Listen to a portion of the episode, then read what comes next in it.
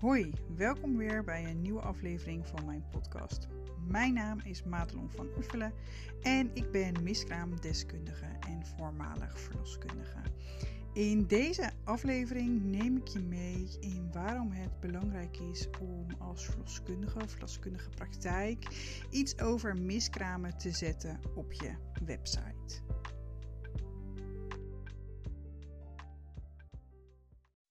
Graag neem ik je mee naar aanleiding van uh, wat praktische voorbeelden. Uh, wat ik in de praktijk uh, tegenkom. Want wellicht heb je het wel um, vaker gehoord, het advies om iets over eh, miskraam of verlies op je website te zetten. Um, en misschien heb je dat ook wel. Super natuurlijk. ik ben ook heel benieuwd wat er dan op staat op je uh, site.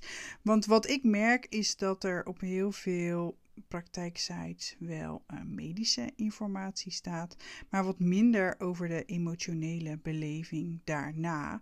En ik denk dat dat ook heel belangrijk is om te vermelden op je website. Gisteren was ik bijvoorbeeld uh, bij een mevrouw die een zwangerschap afgebroken had. Die afbreking, dat verloopt natuurlijk allemaal via het ziekenhuis. Daar heb je als verloskundige in die zin niet heel direct wat mee te maken, behalve dan uh, wellicht uh, nazorg uh, nadien. Um, en zij gaf ook weer aan dat het echte besef en het verdriet en vooral het schuldgevoel waar zij last van had, pas ja, na x aantal weken of maanden kwam.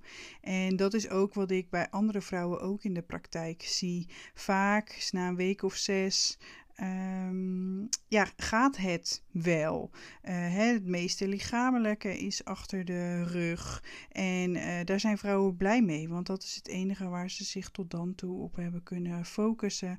En vaak is er ook een uh, kinder, actuele kinderwens. Dus willen ze daar ook weer mee aan de gang. En dan zijn ze blij dat dat lichamelijke stuk van die miskraam of het verlies voorbij is.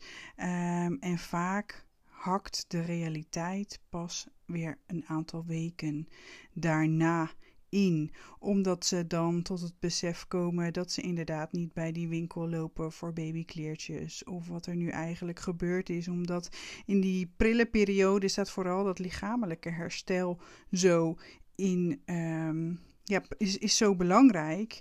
Um, en daarna is er pas tijd om eigenlijk na te denken over de rest. En waar kan je als vrouw dan nog terecht voor informatie?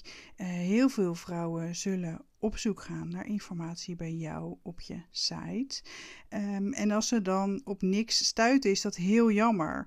En tuurlijk hè, weet ik dat, dat je kunt zeggen van joh, als er altijd nog wat is, kan je contact met me opnemen. Maar uit de praktijk weet ik toch dat vrouwen dat heel moeilijk vinden om dat te doen. Omdat ze toch ja, niet bellen met een nieuwe zwangerschap, je al een tijdje niet gesproken hebben. Die drempel is toch weer wat hoger. En dan blijft het liggen. En dat is zonde, denk ik. Um, en het is voor jou als praktijk zo gemakkelijk in die zin om er wat op te zetten op je site.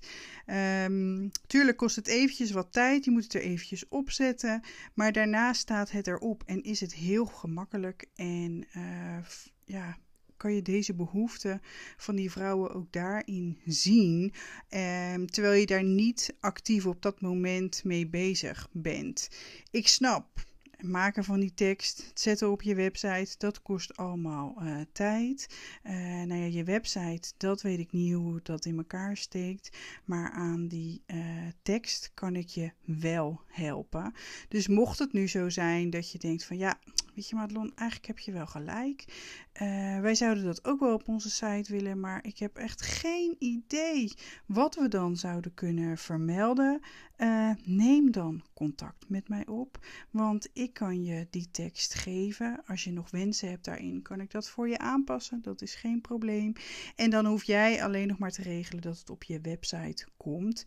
Uh, super easy. Volgens mij, want volgens mij gaat in het schrijven van die tekst het meeste tijd zitten.